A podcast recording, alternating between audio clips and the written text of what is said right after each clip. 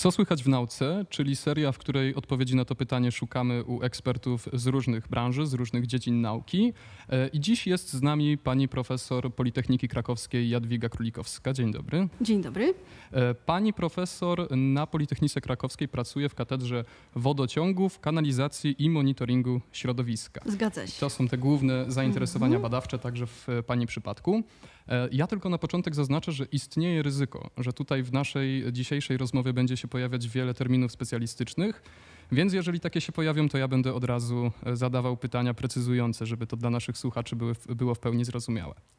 E, na sam początek, pani profesor, być może to będzie heurystyka z mojej strony, ale czy nie pomylę się twierdząc, że tematyka związana właśnie z zagospodarowaniem wód opadowych jest w społeczeństwie, ale także u władz tematem, który mm, nie przebija się do takiej ciągłej świadomości. Raczej pojawia się w momentach, kiedy dochodzi do sytuacji kryzysowych i trzeba wtedy podjąć jakieś działania i w jakiś sposób temu zaradzić. Czy to faktycznie tak wygląda i jaka jest też na to recepta ewentualnie? Ja myślę, że to nie jest tak do końca, że ona e, nie jest w świadomości e, zarówno społeczeństwa, jak i, jak i e, decydentów, władz, instytucji zajmujących się tymi zagadnieniami, gdyż praktycznie rzecz biorąc już coraz częściej mamy świadomość, począwszy od przeciętnego Kowalskiego po właśnie ministra, świadomość, że niestety, ale mamy na przemian suszę i powodzie.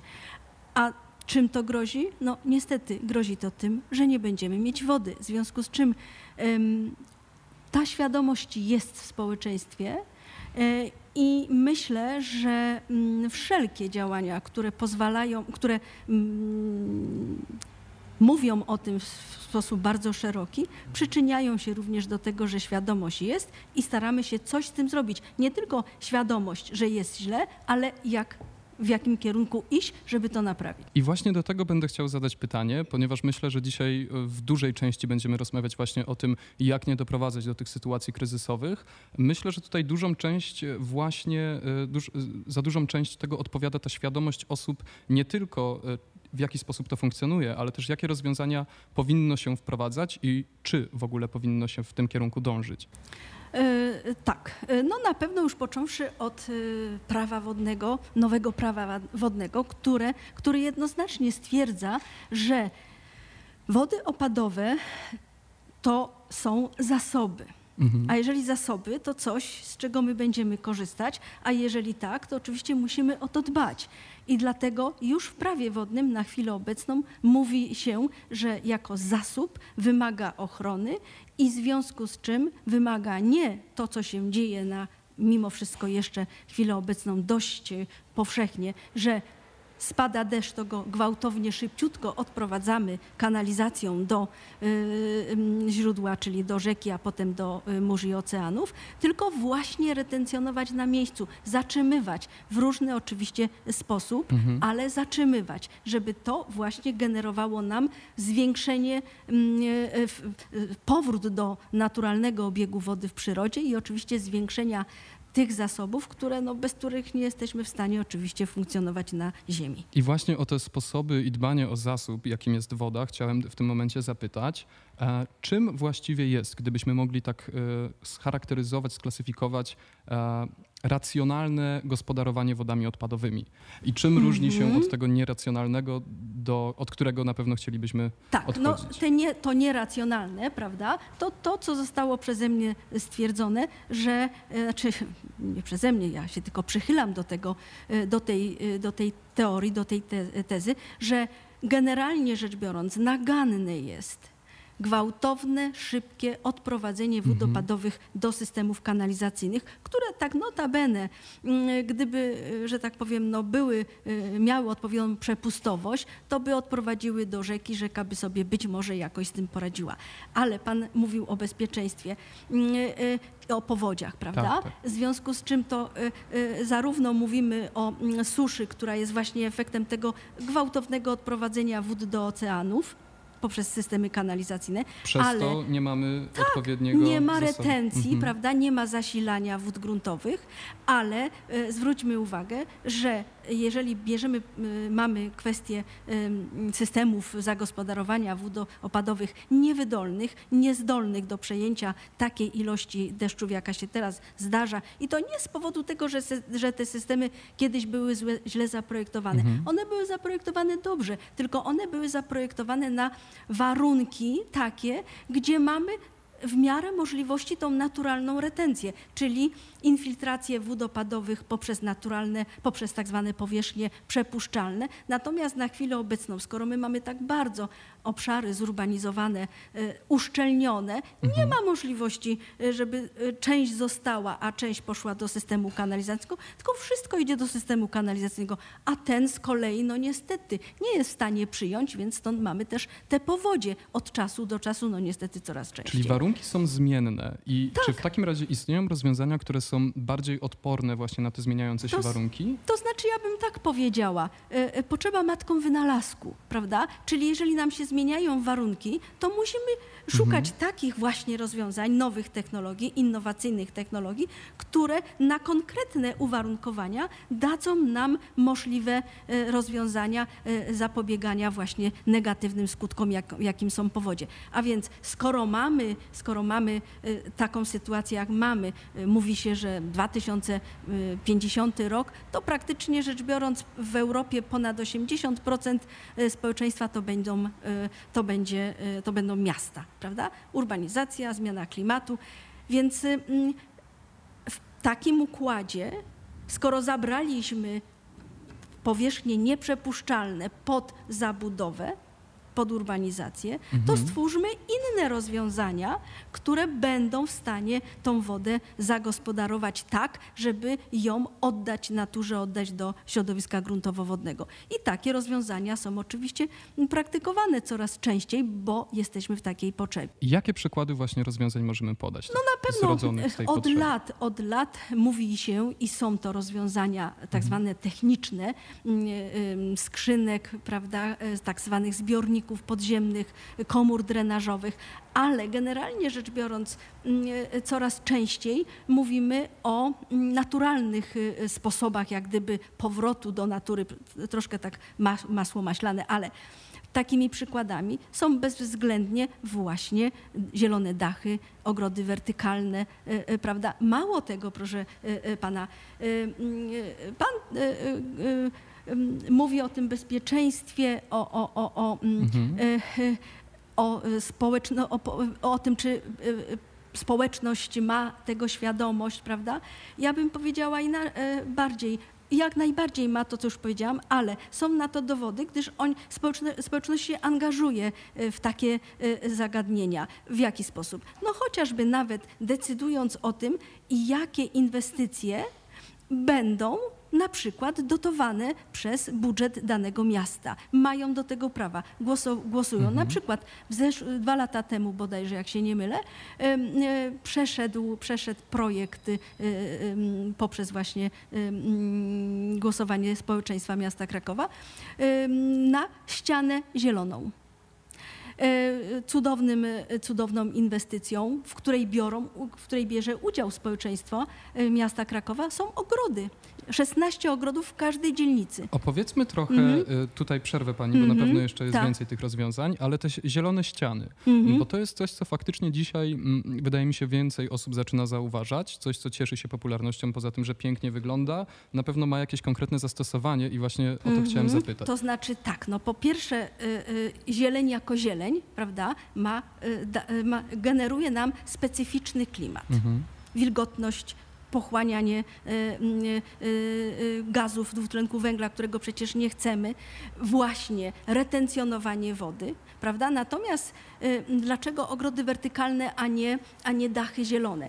No chociażby z tego względu, że mm, je jest nam łatwiej umiejscowić w, w planie zagospodarowania przestrzennego, bo wykorzystujemy do tego przeróżnego rodzaju istniejące obiekty, nie stanowiąc zagrożenia dla, nie wiem, Mhm. obiektu, dla użytkowników tego obiektu, no chociażby y, y, osłonowe y, y, ekrany wzdłuż y, głównych autostrad. Proszę popatrzeć, no teraz jest to trudne, ale mm, bo mamy y, w Krakowie y, przekop y, z uwagi na Opolskiej, z uwagi na budowę y, linii tramwajowej y, do y, Górki, prawda? Ale jeszcze na początku tego lata, w połowie lata, przepięknie Opolska wyglądała właśnie mm, zabudowaną, że tak powiem, zielenią w sposób naturalny, właśnie tymi pnączami. To jest bardzo prosta roślina adoptująca się, wystarczy jej się zakotwiczyć korzonkiem gdziekolwiek, prawda? I ona już rośnie. W związku z czym nie dość, że właśnie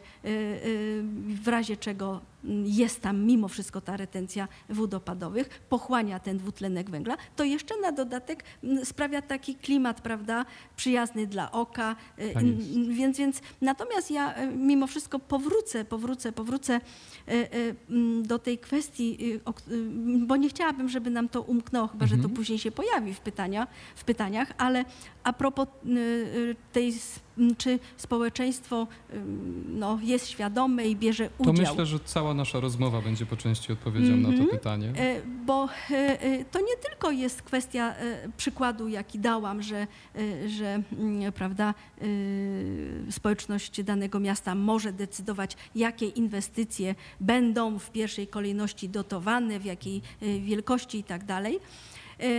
Ale na przykład fantastyczną, mm, tak mi się wydaje, fantastyczną Kwestią jest też organizowanie przez spółdzielnie mieszkaniowe na przykład konkursów na najpiękniejsze ogródki wokół, y, zagospodarowanie właśnie terenów zielonych, tam gdzie na przykład Huta jest takim przykładem fantastycznym pod tym względem, bo właśnie mamy zachowaną tą y, proporcję pomiędzy y, z powierzchniami uszczelnionymi, a nie uszczelnionymi. I na szczęście ludzie, że tak powiem, wykorzystują te tereny i dbają o to. Natomiast e, inne konkursy, Wrocław,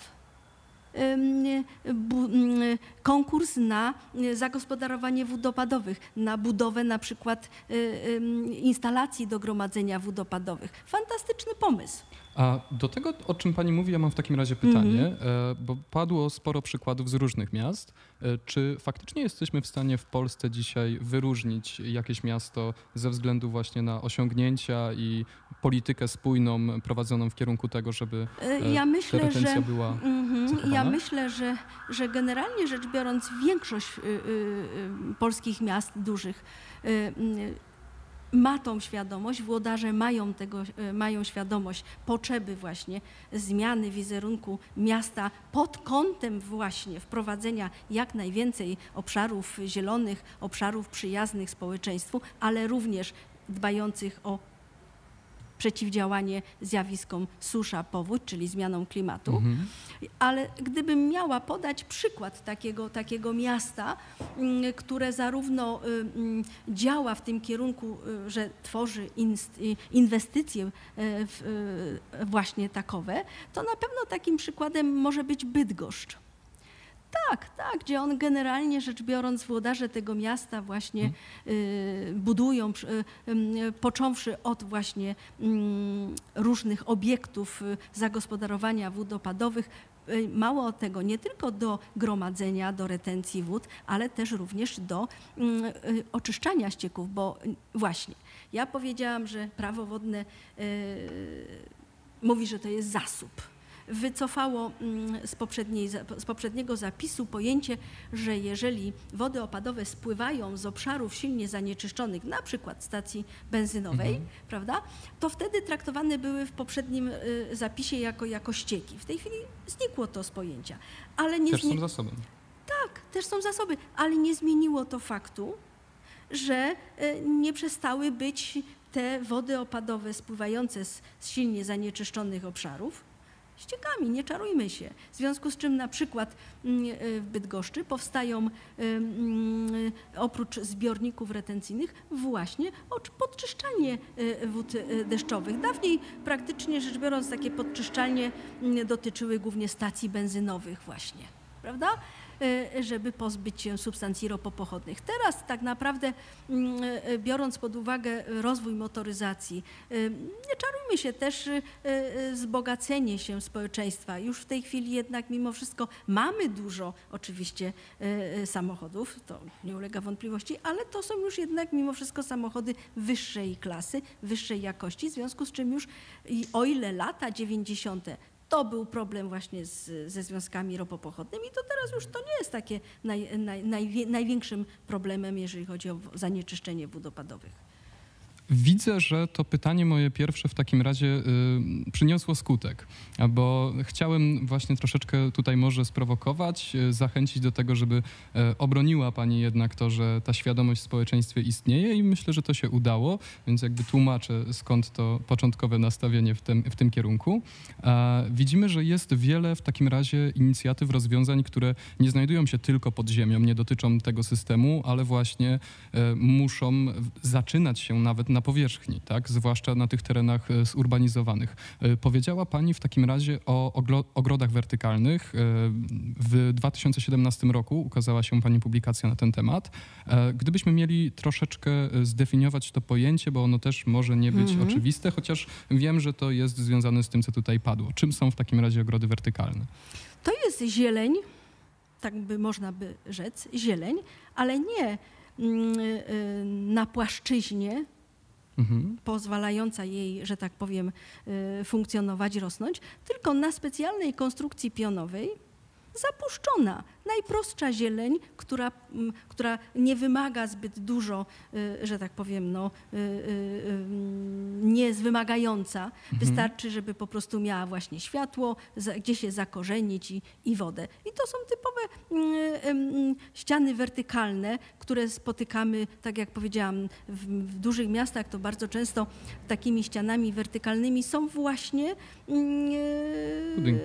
znaczy budynki swoją drogą, ale, ale mm, e, e, mam na myśli raczej, jeżeli wziąć pod uwagę, że ściana wertykalna, e, taką wartością dodaną ściany wertykalnej jest właśnie pochłanianie dwutlenku węgla, mhm. to jak najbardziej takie ściany mają rację bytu przy autostradach i proszę popatrzeć, że to się dzieje. Budowane są na mm, dźwiękoszczelnych osłonach, znaczy budowane.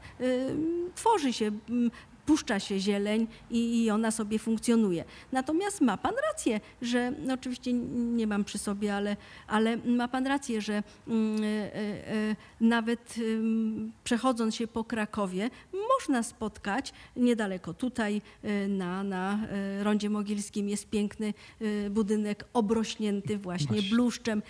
Przepiękny. Zrobiłam kiedyś zdjęcie mm, obrośniętego właśnie zielenią, zielenią Y, budynku na Kazimierzu. Także jak najbardziej, jak najbardziej wszędzie tam, gdzie można, to staramy się, poza tym mm, taką ścianą wertykalną, e, taką ścianę wertykalną e, można sobie budować e, w sposób dowolny, mhm. jako ogrodnik, prawda? Mamy konstrukcję, mhm. konstrukcję czy to metalową, czy drewnianą, prawda? Na tą konstrukcję nakładamy, prawda, odpowiednie pojemniki, czy doniczki, czy, czy, czy, czy kontenery i tam wkładamy odpowiednią roślinność, jaką, jaką chcemy i to też jest, czy na balkonie, czy na zewnątrz, y, jest, jest ogrodem wertykalnym. Powiedziała pani profesor, że e, żeby robić to wszędzie tam, gdzie można, e, może właśnie robić to wszędzie tam, gdzie nie można. Mm, czyli wszędzie tam, gdzie nie można w dużym, zurbanizowanym centrum znaleźć miejsce na tereny zielone to właśnie w ten sposób można je zaszczepić tak, na czymś oczywiście. już istniejącym. Takim, takim y, przepięknym przykładem, tylko nie na zewnątrz, tylko wewnątrz. E, e, przykładem właśnie takich ścian e, przepięknych, pionowych, ogrodów mhm. wertykalnych można znaleźć na dworcu wschodnim w Warszawie. Zapraszam. Kiedyś byłam w Warszawie i akurat nie musiałam wysiąść na dworzu, dworcu zachodnim. Mm, Mając czas, przechadzałam się przez ciąg właśnie tam obiektów biurowych i nie tylko.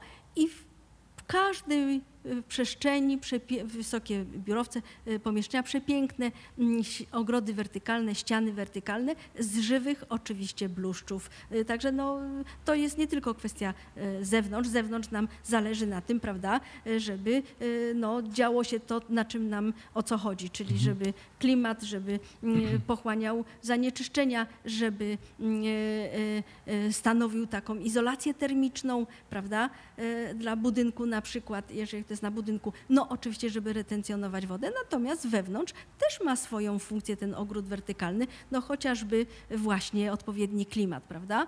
Mm, y, y, y, Ja muszę powiedzieć, że ktoś, kto wchodzi do pokoju u mnie w pracy y, po raz pierwszy, to zawsze mówi, o jak ty masz dużo kwiatów. Ja na to zawsze odpowiadam w ten sposób, że mm, no w domu nie mogę, bo są koty, w związku z czym Oj, koty mm, lubią przecież. Y, lubią y, kopać, grzebać i tak dalej, jeść, w związku z czym. y, Ale do czego zmierzam?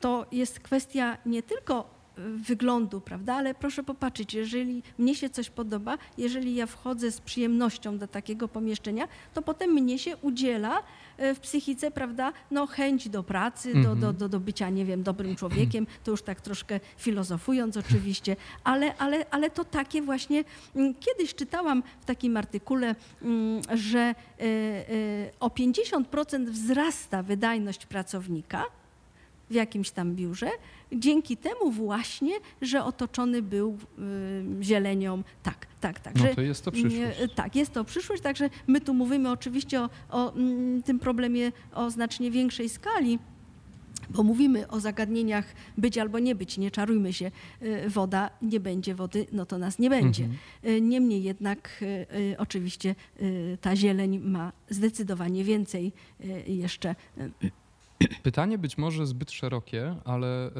powiedziała Pani o tych inicjatywach właśnie w ramach projektów obywatelskich, budżetów obywatelskich, które są realizowane w miastach. Czy właśnie ogrody wertykalne jako odgórna strategia miejska y, gospodarowania przestrzenią y, jest czymś, co, czego się faktycznie możemy spodziewać w naszym kraju? Ja myślę, że y, odgórnie mm, y, y, powiem tak. Ogrody wertykalne należy mimo wszystko traktować jako coś wspomagającego. Prawda? Coś wspomagającego. Natomiast w zarządzaniu gospodarką wodami opadowymi jednak mimo wszystko musimy zwrócić uwagę na takie rozwiązania, na takie rozwiązania, które jednak będą tą wodę retencjonowały w znacznej ilości i oddawały do y, y, środowiska I to nam gruntowo-wodnego. pozwala bardzo płynnie przejść do kolejnej kwestii. Skoro ogrody wertykalne są czymś właśnie wspomagającym, to porozmawiajmy o esencji tego tematu. E, Jest Pani współautorem podręcznika Wody opadowe, odprowadzanie, zagospodarowanie, podczyszczanie i wykorzystanie e, z roku 2012. E, I w tej książce czytamy właśnie, że kształtowanie i ochrona zasobów wodnych w naszym kraju, także gospodarowanie wodą, jest jednym z najważniejszych strategicznych problemów rozwoju naszego kraju. E, I właśnie o to chciałbym zapytać, czy to stwierdzenie z roku 2012 jest także dzisiaj aktualne e, i na czym polega problem właśnie z tym głównym wymiarem e, zarządzania wodą?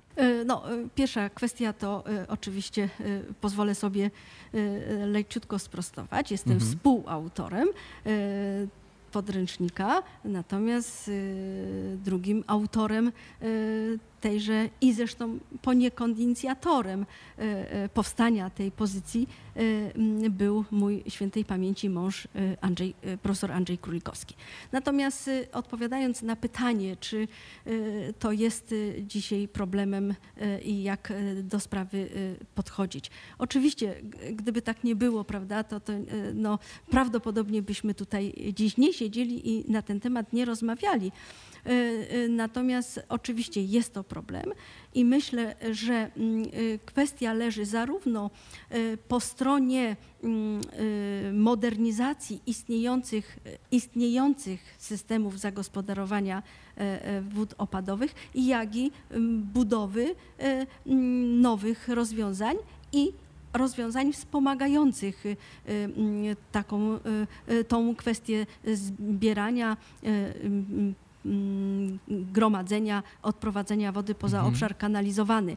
Mm, e, e, Oczywiście e, mm, tu w grę wchodzi, tak jak powiedziałam, modernizacja istniejących systemów. Dlaczego modernizacja istniejących sy- systemów? Bo mm, w w wielu polskich miastach mamy sytuację taką, że istnieje rozwiązanie kanalizacji systemem ogólnospławnym. Co to znaczy? To znaczy jednym kanałem transportuje się zarówno ścieki bytowo-gospodarcze, sanitarne, jak to woli, oraz wody opadowe, bo tak w latach zeszłego wieku mm, e, budowano systemy kanalizacyjne, e, bo e, pozwalały na to warunki, bo mieliśmy taką, a nie inną sytuację, a mianowicie około, mówimy o miastach, około 60% obszarów y, powierzchni szczelnych, natomiast 40, y, y, y, 50% czasami powierzchni nieutwardzonych. I mieliśmy to, o co nam teraz chodzi, do czego musimy, że tak powiem, wrócić, czyli y, naturalną retencję. I te systemy wtedy były wydolne. Bo te 40% pozwalało. Tak, na... wydolne. Mhm. Poza tym no, nie mieliśmy tych anomalii pogodowych. Mieliśmy, y, jak się projektowało kanalizację na deszcz, y, y, y, który, którego prawdopodobieństwo wynosiło 10%, czyli raz na 10 lat, to mieliśmy w miarę możliwości pewność, że faktycznie raz na 10 zlewa się zdarzy. Mhm. I raz na 10 lat może to wylać. Natomiast teraz te intensywne deszcze są bardzo często. To jest jedna sprawa. A druga sprawa, gdyby miasta rozwijały się jak gdyby na zewnątrz, prawda? Czyli mam sobie centrum, które istnieje, a potem dalej się rozwija, urbanizuje obszar. I tutaj buduję sobie na ten zewnętrzny obszar e, e, rozwijający się systemy kanalizacyjne, co jest logiczne, byłoby ok. Natomiast ja chcę zwrócić uwagę, że coś, co tu istnieje, nie znaczy, że jest nienaruszalne. Tak prawdę powiedziawszy, popatrzeć chociażby, y, chociażby y, za oknem. Jeszcze nie tak dawno tam była zieleń, prawda? Już powstał drugi y, z kolei hotel. W związku z czym uszczelniamy coś, co mm, y, y, y, wydawałoby się, że, że jest zamkniętą enklawą, że, że tak będzie funkcjonować, a to z kolei generuje nam no, niestety większy spływ do tej istniejącej sieci kanalizacyjnej, więc tu jest cały problem. I dlatego e, mówiąc o tym zagospodarowaniu wodopadowych, mówimy o modernizacji istniejących systemów i wspomagania go rozwiązaniami, które dadzą, że tak powiem, y, y, no, radę y, zaistniałej sytuacji. Mhm. Zanim porozmawiamy o tych Mhm. rozwiązaniach, bo o to na Mhm. pewno będę chciał zapytać, e, ta ilość wód spływających bezpośrednio do kanalizacji jest dodatkowo zagrożeniem dla samych systemów, tak? No tak, właśnie to chciałam powiedzieć, prawda? Czyli wracając do tej kanalizacji ogólnospławnej w- centrach miast, Mhm. bo tak prawdę powiedziawszy, to w polskich miastach w większości wypadków, 70, 60, 70% y, kanalizacja w centrum tak powstawała, jest to kanalizacja ogólnospławna. Co to znaczy? To znaczy na warunki obecne, e, że jeżeli się weźmie ten no, niekontrolowany, jakby na to nie patrzeć mimo wszystko, e, tą urbanizację, ale na istniejących już obszarach zurbanizowanych, dodatkowa urbanizacja, e, to mamy sytuację taką, że o ile jak był system kanalizacji ogólnosprawnej projektowany e, na powiedzmy e, rozcieńczenie ścieków sanitarnych wodami opadowymi e, 2 do 3, to w tej chwili istnieje coś tak, dwie, e, e, dwie, jedna porcja wód e, sanitarnych, dwie porcje ścieków, tychże w stosunku do ścieków, to w tej chwili mamy coś takiego, że pierwsza kropla deszczu, która spływa, już generuje nam przelew wód do, do odbiornika kanałem deszczowym, e, burzowcem tak zwanym, w związku z czym wiadomo, że, więc dlatego mówię, że to, natomiast problem mm, z przebudową takiej, takiej, takiej, takiej mm, kanalizacji, na przykład mm, zostawienie, mówię o dużych miastach, zostawienie kanału ogólnospławnego jako kanału sanitarnego, a wybudowanie obok na przykład kanału drugiego, czyli tak zwanym układzie rozdzielczym, kanału deszczowego, też nie jest do końca proste, bo pamiętajmy, że jesteśmy w obszarach zurbanizowanych, czyli na górze, jak i na dole. Infrastruktura jest również roz, roz, y, y, odpowiednio rozwinięta, rozbudowana i to też nie jest takie proste. To też nie jest proste. To pierwsze rozwiązanie, y, które tutaj pani naszkicowała z urbanizacją terenów dalszych od centrum też nie jest proste. W takim razie jakie te rozwiązania powinny być? To znaczy to, jak prawda, powstają nowe na obrzeżach miasta, powstają nowe osiedla, mhm. no to wtedy tam jest prościej, prawda? To jest tak jak... jak... Tam, jest, tam już trzeba już tak, implementować bo, ten rozdział. Tak, bo ju, tak, tak, oczywiście, zgodnie z, mm, z zarządzeniem mm, obecnie nie ma możliwości już projektowania kanalizacji w, w systemie ogólnospławnym. W tej chwili tylko i wyłącznie projektuje się kanalizację w układzie rozdzielczym, to znaczy mhm. równolegle obok siebie biegną dwa ciągi, Y, przewodów kanalizacyjnych kanałów. Jeden, który zbiera ścieki bytowo-gospodarcze czy sanitarne i drugi obok, który zbiera y, płycej położony, który zbiera wody opadowe, prawda? Natomiast y, tak czy inaczej w obrębie miasta samego mhm. no, jest potrzeba rozwiązań wspomagających i takimi rozwiązaniami bezwzględnie będzie właśnie, będą właśnie zbiorniki retencyjne, których, których teraz pod względem rozwiązań konstrukcyjnych Y, no, pozwalają nam tworzyć podziemne tak zwane mm, y, no, światy wodne. Tak się na przykład dzieje w Niemczech. Mm, no niemniej jednak też y, dobrym rozwiązaniem, tylko oczywiście to podobnie mm, jak ogrody wertykalne, jak dachy zielone, tak samo i użytkowanie wody opadowej na własne potrzeby, to jedna jaskółka wiosny nie czyni. To nie może być w jednostce zurbanizowanej kilka, że tak powiem, przykładów tylko oczywiście musi być to na większą skalę, żeby po pierwsze e, przyniosło efekt, no i oczywiście, żeby było na przykład, jeżeli mówimy o, mm, o, o, o, o mm, e, wykorzystaniu wody, żeby to było opłacalne, bo póki, póki, póki mm, ja nie chcę przez to powiedzieć, że ja chcę, żeby opłata za wodę wodociągową szła w górę, ale, mhm. ale mimo wszystko, póki, że tak powiem, mamy wodę wody pod dostatkiem, chociaż jesteśmy jednym z ostatnich krajów w Europie pod względem zasobności. To jest to, od czego zaczęłam. Pod względem zasobności, czyli dalsza taka urbanizacja, dalsza, dalsze niedbanie o środowisko, o, o, klim, o klimat, no może nam naprawdę skutkować brakiem tej wody. Studnie wysychają, prawda? Mhm. Mm, w związku z czym rzeki, proszę popatrzeć, e, co roku mamy e, prawie ten sam e, obraz na przykład Wisły, prawda? W Warszawie, która się praktycznie rzecz biorąc odsłania. Można se chodzić po, po Wiśle w niektórych miejscach. E, e, więc, więc wszelkie takie działania e, poza oczywiście infrastrukturą mhm. ściśle kanalizacyjną typu sieci, typu zbiorniki, inne wspomagające rozwiązania muszą być na szerszą skalę, żeby przyniosły pożądany efekt.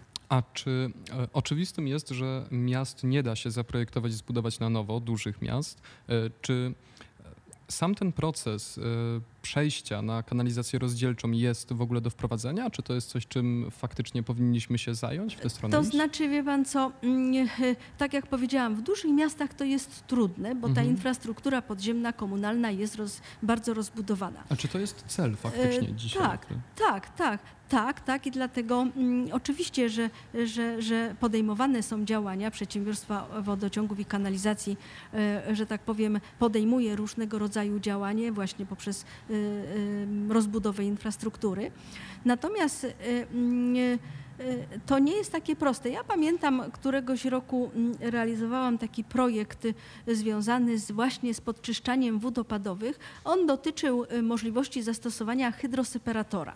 Co to takiego? No właśnie, to jest takie urządzenie, które y, w, y, hydroseparator, czyli separacja, czyli oddziela mi y, w wodach opadowych, oddziela hmm. mi ciecz od zanieczyszczeń. No, mm, zasada jest, jest dość prosta, mianowicie rzecz tylko polega na tym, żeby ścieki skierować do tego w sumie osadnika, do tego pojemnika, zbiornika mhm. Stycznie i wywołać w tym zbiorniku ruch wirowy. W celu? No właśnie, w jakim celu? Nam zależało na tym, żeby wodę opadową oczyścić z zawiesiny, bo tak naprawdę to największy problem w wodach opadowych to jest ta zawiesina. Oczywiście ona ma w sobie inne zanieczyszczenia, bo absorbuje inne zanieczyszczenia, ale generalnie rzecz biorąc najwięcej mamy zawiesiny oczywiście mineralnej, no i oczywiście na tą zawiesinę mineralną się również inne rzeczy trafiają odseparować, prawda? oddzielić od y, y, wód opadowych te zanieczyszczenia stałe, czyli tą zawiesinę. Mhm. I jak ja wprowadzę stycznie mm, moje ścieki do takiego urządzenia, do takiego obiektu, to ja automatycznie wywołuję ten ruch wirowy. I proszę zauważyć, że to wiruje, wiruje, wiruje, wiruje, wiruje, wiruje i jakiś czas ta woda w tym zbiorniku jest.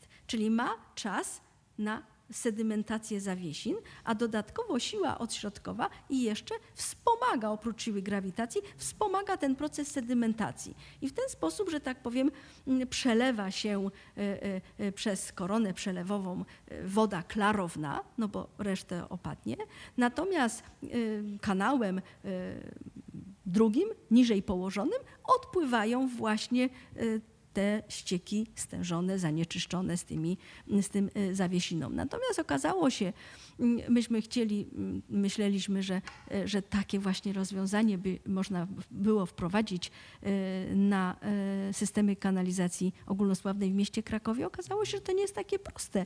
Dlaczego? Dlatego, że odpływ z tego hydroseparatora jest z dołu, niżej. W związku z czym to niestety generowałoby kolejną kwestię, jak te ścieki podnieść z tego hydroseparatora, czyli, czyli dodatkowe pompy i tak dalej. Poza tym nie zawsze była taka możliwość, bo biegła jakaś inna e, e, infrastruktura podziemna, więc to, to, to, to wszystko sprawia, że mm, nie do końca jest tak prosto, e, prosto na istniejącym żywym organizmie mm, robić takie powiedzmy rozwiązania, modernizacyjne typu na przykład e, e, takie urządzenie. Prościej zdecydowanie jest budować zbiorniki, zbiorniki jako reaktory, które by właśnie oprócz retencjonowania wody na wypadek deszczy, w, prawda, oczyszczały nam tą, tą, tą, tą wodę opadową w różnych oczywiście procesach, począwszy od sedymentacji. Natomiast ja chcę zwrócić jeszcze rzecz na jedną uwagę bardzo, na jedną jedną rzecz uwagę, y, bardzo ważną moim zdaniem. Mhm. Y, y, mm, można zbudować najlepsze rozwiązanie, najlepszy system, ale ten system trzeba doglądać. I często, gęsto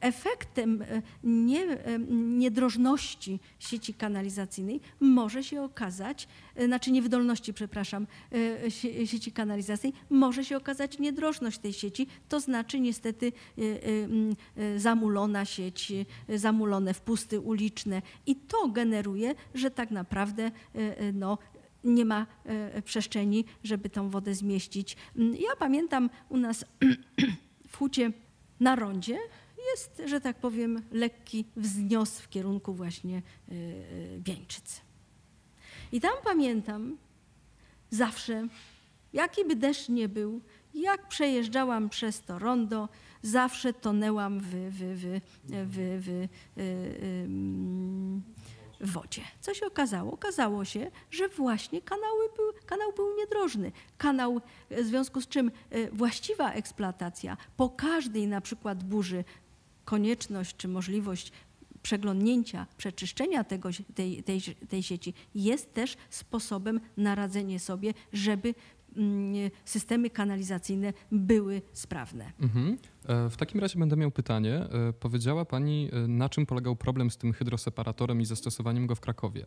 Czy w takim razie w nowo powstałych ośrodkach miejskich, osiedlach, jest e, to urządzenie do wprowadzenia? Tak, ale ja myślę, że, że z uwagi na to, że taki hydroseparator wymaga e, zagłębienia sieci za hydroseparatorem, bo odpływ jest poniżej, więc ja myślę, że, że biorąc pod uwagę technologię oczyszczania ścieków y, w, zintegrowanych osadnikach, y, gdzie mam zarówno proces sedymentacji, flotacji, y, myślę, że, że w tej sytuacji lepszym rozwiązaniem będą takie właśnie zintegrowane osadniki. Powiedzieliśmy o zbiornikach retencyjnych, o utrzymywaniu wody opadowej i w takim razie chciałbym zapytać, e, jakie jest jej zastosowanie? Dlaczego to jest ważne, żeby ją magazynować? I tutaj właśnie i z perspektywy gospodarstwa domowego, i skali przemysłowej, dlaczego to jest pożądane? No na pewno w skali gospodarstwa domowego możemy taką wodę wykorzystać, no choćby do sprzątania, do mm, spłukiwania toalet, mhm. czy najczęściej y, to ma miejsce y, do podlewania ogródków. Natomiast y, jeżeli chodzi o mm, cele technologiczne, wszędzie tam, gdzie nie wymagana jest woda odpowiedniej jakości, na przykład do chłodzenia.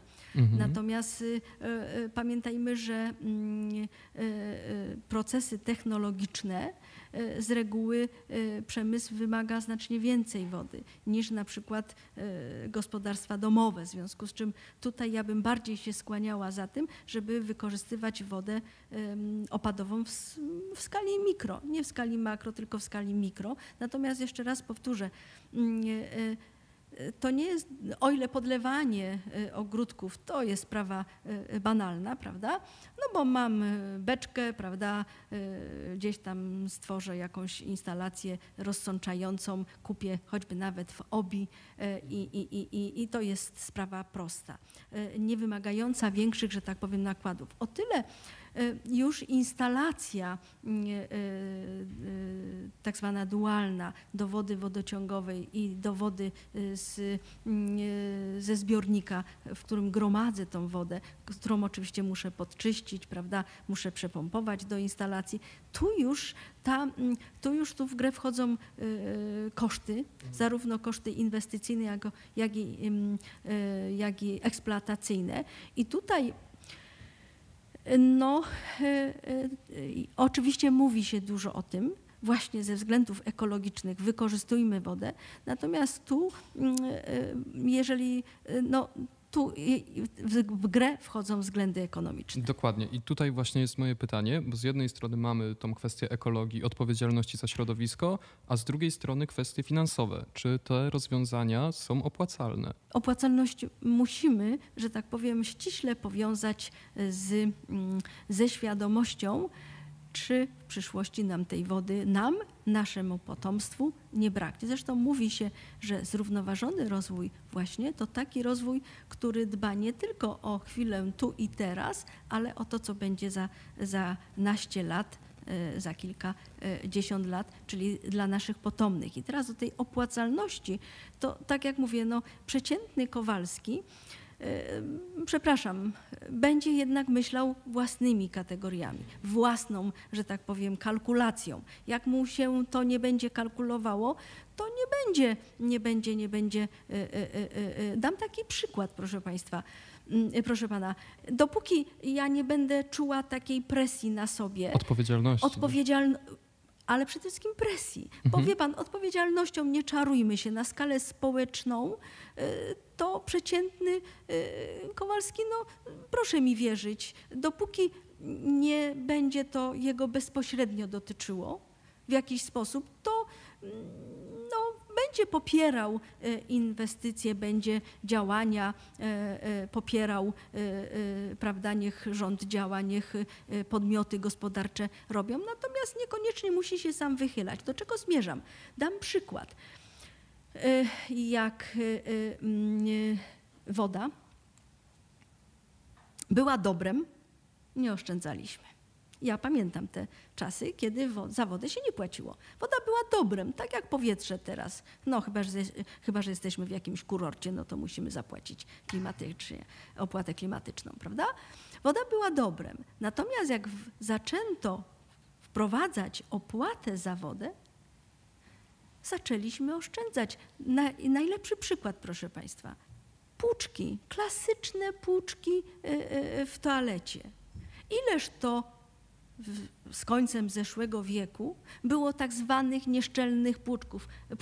Woda się lała, lała, lała, lała, bo myśmy za to nie płacili, w związku z czym jak, zaczęto jak zaczę- zaczęliśmy płacić, to zaczęliśmy oszczędzać tą wodę. Już nie ma y, nieszczelnych puczek. No chyba, że w akademiku. Nie wiem, y, pan się y, cieszy, ale no chyba, że w akademiku, no ale w akademiku właśnie. To nie jest moje, ja za O, to nie tak. płacę. Więc dlatego mówię, że mm, na pewno świadomość społeczna jest, jest, ale nie aż taka, żebym ja, że tak powiem, od razu z własnej inicjatywy budowała zbiornik na wodę opadową i y, w ramach właśnie y, z celów czysto pobudek ekologicznych, y, środowiskowych, prawda, Jeszcze- dbając o środowisko, Mając gotowość do tego, żeby ponieść koszta. no, no właśnie o tym mówię, prawda? Więc, więc tak jak mówię, to z, tym, z tą świadomością mamy świadomość i dlatego chętnie sadzimy drzewka.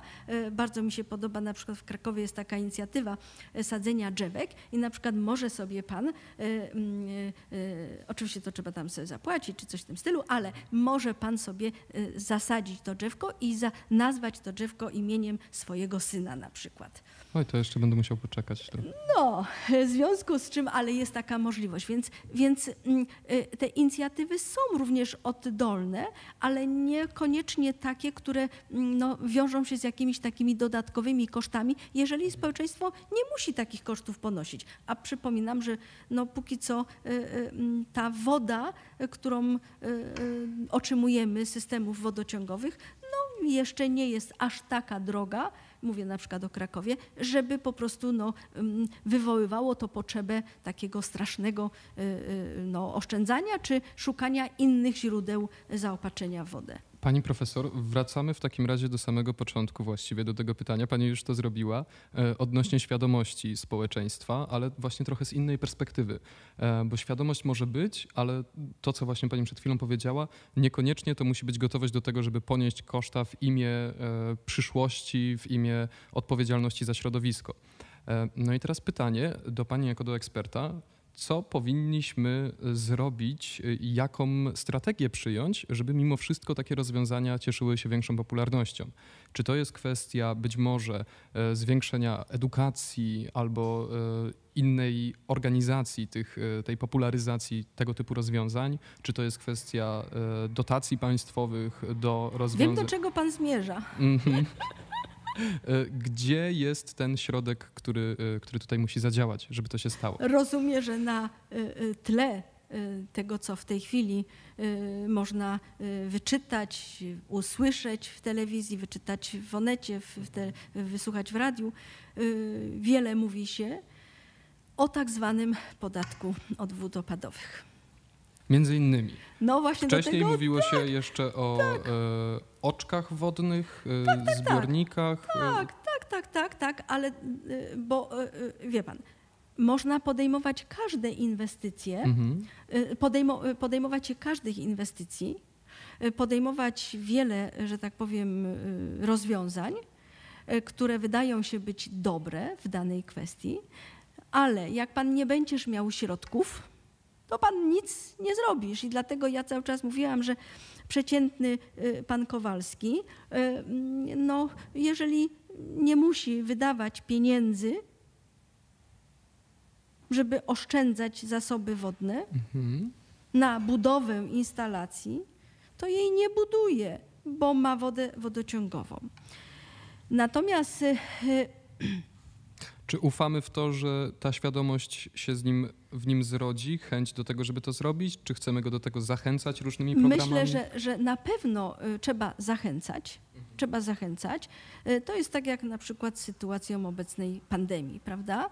Y, Proszę zauważyć, najpierw zachęcamy, potem dajemy nakazy noszenia przykładowo masek również na zewnątrz. Mhm. A teraz już mówimy o karze, jak tej maseczki nie mamy, prawda? Czyli proszę zauważyć, stopniujemy, jeżeli by, y, y, y, że tak powiem, nie trzeba, ludzie by nosili bez nakazu masek, nie byłoby przyrostu zachorowań, to nie byłoby nakazu. Nie byłoby nakazu, to nie byłoby kar.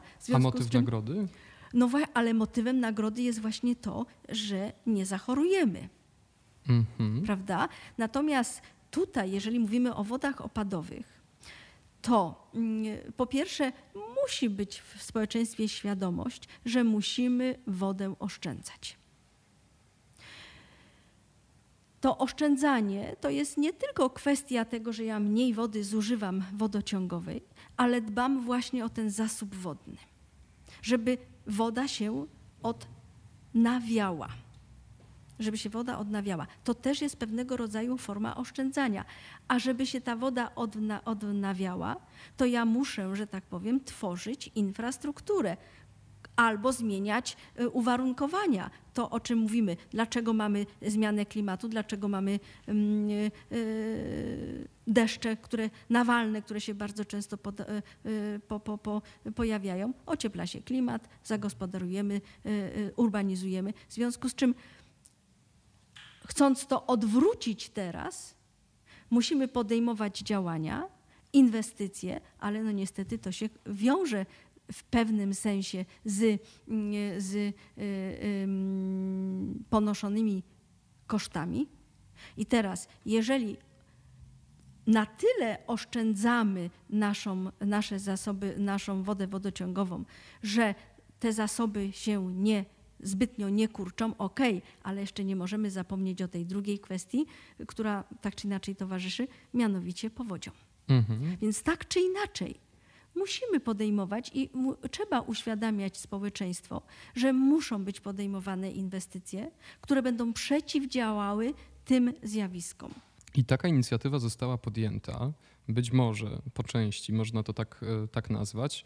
E, już to słowo padło, e, to pojęcie padło w, w trakcie naszej rozmowy. Ja bym chciał, żebyśmy właśnie teraz się nim zajęli. A projekt złożony przez Ministerstwo Gospodarki Morskiej i Żeglugi w naszym kraju, nazwany podatkiem od deszczu. E, na czym polega to rozwiązanie, na czym polega problem z jego nazewnictwem, z nomenklaturą e, i także o samej jego genezie, bo myślę, że to jest istotne, że został on złożony i przedstawiony społeczeństwu w w perspektywie suszy, która miała czekać nasz I kraj. Powodzi. I, I powodzi. Tak? Na przemian. Okay. Susza, powodź. To jest właśnie najgorsze. Mhm. E, e, bo, e, bo de facto susza nam się, proszę Państwa, mm, kojarzy z tym, że nie ma deszczu. Mhm. A to tak w, naszych, w naszym klimacie, w naszych uwarunkowaniach nie jest tak do końca. Bo u nas deszcz pojawia się. Natomiast na czym polega? Polega na tym, że ten deszcz natychmiast spływa. I stąd mam suszę, czyli osuszenie terenu, bo ten teren nie ma szans się nawodnić, skoro przychodzi intensywny deszcz, intensywna zlewa i uszczelnionymi zlewniami odpływa do odbiornika. Y, ja powiem tak, to nie jest nowe y, y, zjawisko, to nie jest nowy, nowa kwestia podatek od, deszcza, od deszczu, przepraszam. Bo generalnie rzecz biorąc, od lat już pierwszym takim miastem, które wprowadziło właśnie taką opłatę, była Piła. Bo do czego zmierzam? To jest nazywany podatek od deszczu, ale to ma na celu właśnie, tak jak pan powiedział, taki jest, y, taka jest intencja ministerstwa, przeciwdziałanie skutkom suszy i powodzi. Natomiast to też ma zwiększyć możliwość rozwoju, rozbudowy, modernizacji istniejących systemów zagospodarowania wody. I ja osobiście mm, y, y, nie jestem zwolennikiem nazywania tego mm, podatkiem. Y, często w, w, prasie spotyka się taki nagłówek podatek za, za odprowadzenie deszczu, albo tam, że będę płacił za to, że deszcz pada. No nie płacę za to, że deszcz pada. Y, y, cieszmy się, że deszcz pada, natomiast płacę za to, że ten deszcz, podobnie jak ścieki sanitarne, nie zostają na mojej posesji, nie tonę, przepraszam, w fekaliach, tylko ten deszcz jest zbierany i odprowadzany poza obszar kanalizowany. Jest I wtedy, tak kiedy go nie ma. Proszę? Jest wtedy, kiedy go nie ma. Tak, tak należało, że tak powiem, tak należy uświadamiać społeczeństwo, że tak jak mm, y, był czas wprowadzenia opłaty za wodę y, y, wodociągową, bo przecież trzeba tą wodę ująć. Po pierwsze trzeba mieć te zasoby wodne, trzeba tą wodę ująć, trzeba tą wodę uzdatnić, jeżeli wymaga takowych działań, trzeba tą wodę zgromadzić, jeżeli jest potrzeba, trzeba ją przetłoczyć do odbiorcy. Więc tak samo jest tutaj. Odprowadzenie tych wód opadowych zagospodarowanie, wolę o, o, posługiwać się pojęciem zagospodarowania wód opadowych. Zagospodarowanie wód opadowych to nie jest naklaśnięcie dłoni, tylko y, palców, tylko to jest y, proces składający się z wielu, że tak powiem, zjawisko składające się z wielu procesów po kolei po sobie następujących. I tu myślę, że odpowiedź na pytanie, które że powinno ją usłyszeć każdy i każdy pewnie też chciałby się dowiedzieć, na czym polega dokładnie mechanizm tego, że sama opłata, podatek od deszczu sprawia, że cały ten system działa sprawniej, tak? Czyli jak to się dzieje, e, gdybyśmy mieli teraz właśnie wytłumaczyć naszym słuchaczom, że wprowadzenie podatku od deszczu minimalizuje skutki suszy. No właśnie. To nie może, jest coś, no co jest może takie powiedzmy, że nie likwiduje, bo y, nie ma takiej opcji, bo mhm. pamiętajmy, że y, mamy do czynienia ze zjawiskami losowymi. Y, I jeszcze na, na, na, to się teraz nakłada dynamika, więc to nie chodzi o to, że my likwidujemy jakiś problem, bo my no, jeden problem zlikwidujemy, a za chwilę może się okazać, że pojawi się inny problem. To nie chodzi o likwidację, tylko o łagodzenie skutków. Łagodzenie skutków skoro mm, e, e, istniejące systemy zagospodarowania e, wód opadowych są niewydolne, bo niedostosowane do mm, istniejących uwarunkowań, to trzeba ten system wzmocnić, trzeba ten system rozbudować. I jeszcze raz powtarzam, a na to są potrzebne pieniądze. W związku z czym dlatego, tak jak płacimy za wodę, płacimy za odprowadzenie ścieków, tak samo uważam, że odpowiednia kalkulacja, to co robią podmioty gospodarcze eksploatujące systemy wodociągowe czy kanalizacyjne, składają. To się nie dzieje przecież tak, prawda, że prezes y, wodociągu X ustala sobie z zarządem y, taką a taką kwotę. Nie, to się oczywiście dzieje wszystko według y, ogólnie przyjętych zasad. Ustala się kalkulację, przedstawia się to na Radzie Miasta i tam na Radzie Miasta jest to albo akceptowalne, albo nie. Y, stawki są ustalane na rok zawsze. To wytłumaczmy w takim razie, jak działa ten proces dokładnie, po kolei. E, jest odprowadzana opłata za opady. Na różnych, różne sposoby jest ona wytyczana, tak kto ile zapłaci w zależności od powierzchni, jaką być, zajmuje. Tak, ma być to liczone od metra y, y, powierzchni uszczelnionej, tak, prawda? Tak, czyli Dokładnie. blokowanie Tak, tak, tak, tak. Y, mówi się o tym, że przeciętnie rocznie będą to koszty w zależności od tego, czy się jest lokatorem mhm. wielomieszkaniówki, czy indywidualnego gospodarstwa w granicach kilku tysięcy tysięcy, kilkuset złotych I teraz rocznie. cały mechanizm ma polegać na tym, że te środki pozyskane zostaną przeznaczone na inwestycje no, no mające... Tak, no y oczywiście. Jakie rozwiązania dzisiaj tego finansowania potrzebują? Czy tak to są te rzeczy, o których mówiliśmy tak, cały czas? To, wdrażanie cały czas, ich tak, dzięki wdrażanie tym finansom. nowych y, y, inwestycji, zarówno tych y, twardych inwestycji, czyli sieci kanalizacyjnych, zbiorników retencyjnych, jak i tych mniejszych, większych inwestycji typu właśnie y, zielono-błękitna infrastruktura, począwszy od, od, od dachów zielonych, od ogrodów wertykalnych, od ogrodów y, y, miejskich, po oczka i tak dalej. W związku z czym i pamiętajmy, że to jest kwestia nie tylko inwestycji, ale później eksploatacji. Mhm. Pamiętajmy, że to, no, dałam przykład, można rozbudować sieć, ale tą sieć trzeba utrzymywać w stanie drożności. Wiele mówi się zawsze w kontekście podatków i opłat e, o ich skuteczności czy faktycznie, sprawdza, e, sprawy, czy faktycznie realizują ten cel, który mają zamierzony, czy nie są w jakiś sposób omijane, e, czy być może nie jest to najlepszy sposób osiągania tego wytyczonego celu, czy ten podatek od deszczu będzie na to odporny? Znaczy, jeszcze raz powtórzę, ja nie jestem za słowem podatek. Tak, ja nie jestem za słowem podatek. E, czy to się sprawdzi? No powiem w ten sposób. E, e, nie mówię tutaj jako przedstawiciel podmiotu, który eksploatuje, użytkuje systemy wodociągowe czy kanalizacyjne, tylko jako mieszkaniec dzielnicy Nowa Huta miasta Kraków. Skoro płacę za, za wodę, skoro płacę za ścieki, owszem, zdarzają się sytuacje tak zwane awaryjne, mhm. że w którymś tam dniu, o którejś tam godzinie nie mam wody, bo trzeba było zakręcić, bo pękł, y, pękł rurociąg. Da? Ale to są zdarzenia losowe, więc sprawdziło się. Płacę w tej chwili również, proszę, proszę zauważyć, płacę w tej chwili również za y, wywóz odpadów, tak zwanych śmieci. I to się sprawdza. Wynoszę do Y, kontenera na zewnątrz i nic mnie nie interesuje. Więc patrząc z takiego punktu prostego, y, przy założeniu, że faktycznie pieniądze, które, które, które będą przeznaczone mm, na opłatę za odprowadzenie, ja to tak chcę nazywać, i to powinny być pieniądze, tak jak się teraz dzieje. Y, przecież y, tych miast, które, które mają już na chwilę obecną, eksploatują, funkcjonują w, w takim układzie, że oprócz opłaty za doprowadzenie wody, za odprowadzenie ścieków sanitarnych, pobierają za odprowadzenie wód opadowych.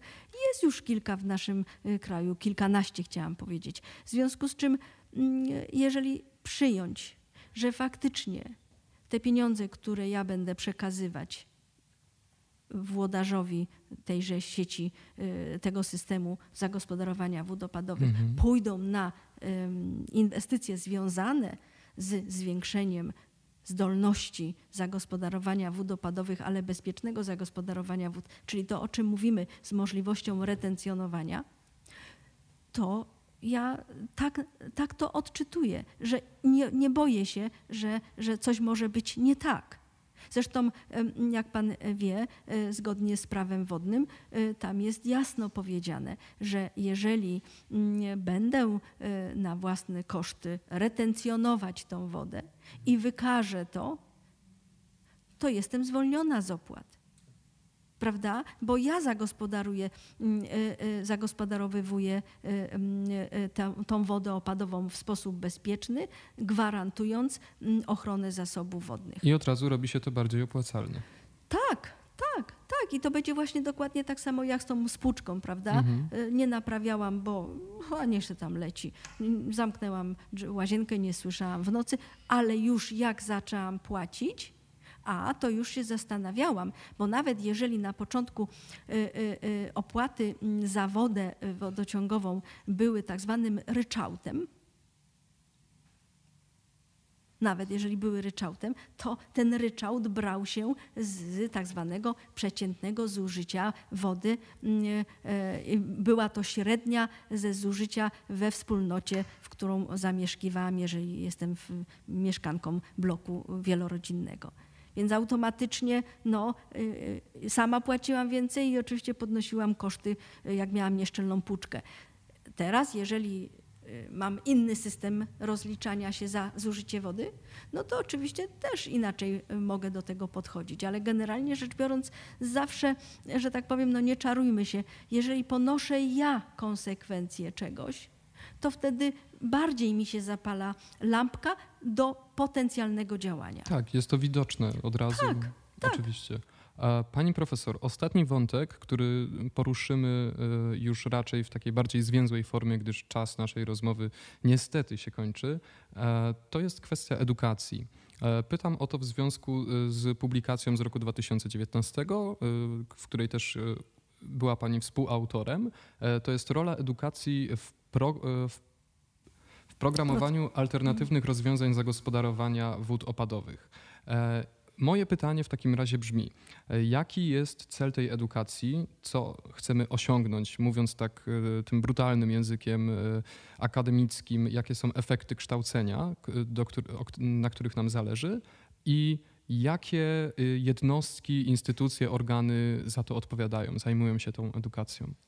Generalnie rzecz biorąc, takie jest piękne powiedzenie polskie, e, czym korupka za młodu nasiągnie, skorupka za młodu nasiągnie, tym na starość, prawda, tam będzie trącić, Mhm. czy coś takiego. E, I ja uważam, że właśnie im wcześniej e, wpaja się młodemu człowiekowi jakieś zasady, czy jakieś kwestie ważne w jego życiu, tym, że tak powiem, jego wrażliwość staje się wyoszczona i podatny jest właśnie na działania, które mają czemuś tam zapobiegać. W związku z, a poza tym mm, dziecko ma to do siebie, y, mm, że dziecko jest bardzo, tak, no właśnie dziecko. Dziecko jest tak beztroskie, jest tak szczere i tak, y, no, że, że praktycznie rzecz biorąc, ono nie będzie kombinować. Ono będzie brać rzeczywistość taką, jaką, jaka, jaką jest e, i do tej rzeczywistości, że tak powiem, no, mm, będzie się dopasowywał i, znaczy nie tyle dopasowywał, ale, ale, ale, ale w tej rzeczywistości żyje.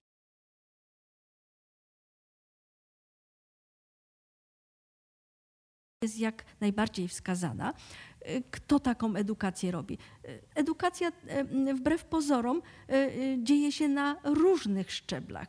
Dzieje się na szczeblach tych najmłodszych, czyli instytucjach pedagogicznych, czyli przedszkolach, szkołach, w ośrodkach kulturalnych, we wspólnotach dzieje się, bo przecież organizowane są różnego rodzaju konkursy. Mało tego, przedsiębiorstwa na przykład, które są bezpośrednio związane z tą branżą wodno-ściekową, jakimi są na przykład przedsiębiorstwa wodociągów i kanalizacji, organizują we własnym zakresie różnego rodzaju kursy, szkolenia, y, słynna y, kropelka wodociągi We miasta. współpracy też ze szkołami. Tak, tak, tak, ze szkołami, z przedszkolami, prawda? Y, y, Słynna y, kropelka y, wody, którą y, y, przedszkole, które y, jest organizowane, y, fantastycznie to jest zrobione, bo jest to oczywiście na, na, na eksponatach wszystko pokazane, więc, więc, więc jak najbardziej uświadamiać, uświadamiać, uświadamiać i jeszcze raz uświadamiać, bo no im człowiek starszy, tym, że tak powiem, trudniej. Jest, coś takie, jest też takie powiedzenie, jeżeli chodzi o człowieka starszego. Stara bieda jest już, ze starą biedą się już oswoiłem, a wszystko co nowe, to prawda, trą, trąca niepewnością, to lepiej się tego nie tykać. Więc ja osobiście uważam, że i jak najbardziej trzeba przede wszystkim kierować, edukować dzieci, edukować młodzież, bo za niedługo oni będą, państwo będą, e, że tak powiem, włodarzami miast, decydentami. Więc jak najbardziej edukacja. Pani profesor, na koniec zostawiłem sobie pytanie, które jest niepoważne, e, ale ciągnie się za mną już od dłuższego czasu i e, najwyżej to wytniemy, jeśli będzie to nieodpowiednie. Maryla Rodowicz kiedyś śpiewała, że trzeba mi wielkiej wody, tej dobrej i tej złej. Ja się cały czas zastanawiam, co to jest ta dobra i zła woda i czy faktycznie potrzebujemy obu. To znaczy, y, jakie było przesłanie y, w piosence pani, Ma, pani Maryly Rodowicz, Dobra i zła woda. e, Wielka woda. E, e, No na pewno metafora. Natomiast powiem tak. Potrzeba mi dobrej i, i, i- złej wody. E, Dobra woda to na pewno ta, bez której nie jestem w stanie żyć. Natomiast zła woda. Zła woda można to właśnie ująć bardzo filozoficznie, czyli jak pojawia się ta zła woda, czyli, czyli, czyli powódź, to jest właśnie ten moment, żeby się zastanowić, czy przez przypadek gdzieś nie Zaniedbaliśmy. za przeholowałam, zaniedbałam. Bo proszę zauważyć, że tak filozoficznie, Mhm. ale, ale, ale tak mi się wydaje, że, że, że to oddaje to. y, y, Jak nam tak bardzo dobrze w życiu, to istnieje szansa, że się gdzieś w tym wszystkim zatracimy. I czasami potrzeba jakiegoś takiego młotka, który mnie stuknie w głowę, Mhm. albo właśnie kataklizmów, żeby To lepiej zrozumieć. Bardzo Pani dziękuję, to jest piękna odpowiedź na to pytanie. E, Dziękuję za całą rozmowę. Naszym gościem e, była Pani profesor Jadwiga Królikowska. Serdecznie dziękujemy za tę rozmowę. Ja również bardzo dziękuję, życzę wszystkiego dobrego. Przede wszystkim, przede wszystkim życzmy sobie dobrej wody I dużo wody. i dużo wody i jednak mimo wszystko cały czas tej takiej dobrej roztropności. Bardzo dziękujemy. Dziękuję ślicznie.